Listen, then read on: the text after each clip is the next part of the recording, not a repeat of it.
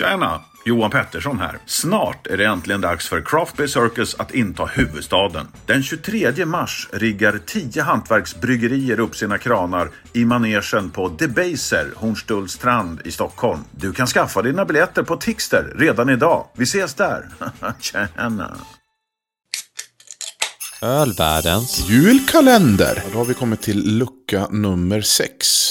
Och- Äntligen. Ja, och då har vi en Oppigårds Winter Ale. Det är, alltså, det är nästan lika klassiskt som eh, lucka nummer ett med Jämtlands, va?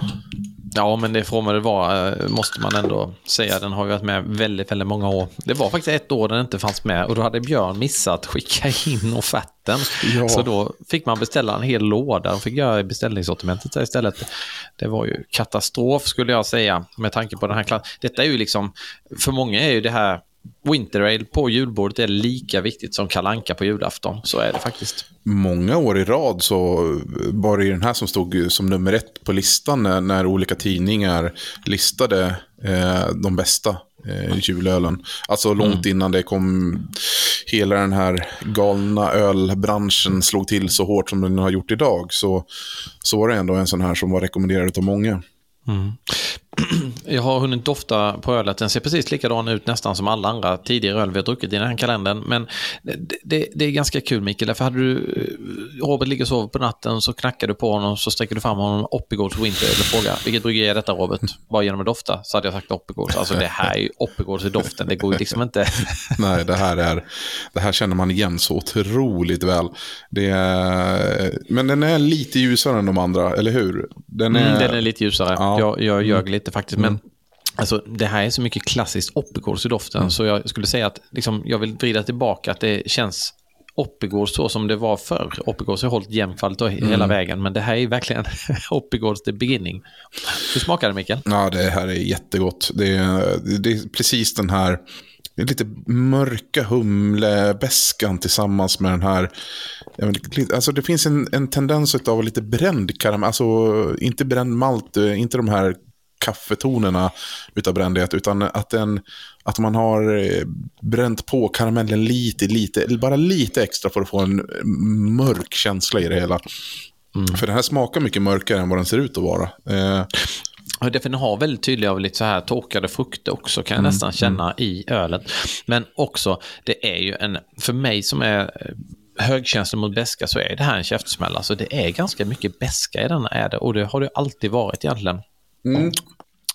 Men vi- alltså det var det, men jag vill minnas också att den har, men nog är det lägre beska i år? Eller? Mm, den är nog lägre faktiskt skulle Ja. jag också säga. Därför förra året minns jag att den var ganska rejäl. Men Mm, jag, jag precis tror, som du säger. jag tror man tonar ner den lite grann. Kanske får du göra den lite mer, ska man säga, uh, Svenssonvänlig eventuellt. Ja, eller Anderssonvänlig om man Ja. vill säga det. Det går ju bra det med. Mm. Ja, jo, jo, eh, ja, precis. Men du, du uppskattar ju ändå beska mer än vad Svensson Svensson gör.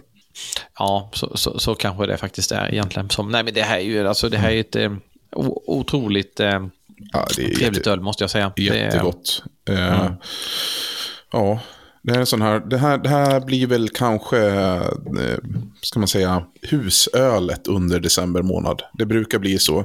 Mycket för att det är lätt att få tag på, det kanske vi är lätt att få tag på på alla systembolag i Sverige, men framförallt för den som bor i Dalarna så är den ju väldigt lätt att, att få tag på.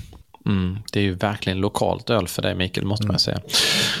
Nej, men den är mm, otroligt trevlig och den gör väl sig ganska bra till mycket på julbordet tänker jag mig. Alltså dessa smaker, så, så därför har det väl kommit att bli en sån riktig favoritöl för många. Eh, att den liksom finns att tillgå mer eller mindre på varenda systembolag inför jul. Men man, ibland har den faktiskt tagit slut ganska tidigt. I jul har jag sett att den har stått tom på vissa ställen. Så. Nej, men gud vad hemskt. Hemska tanke.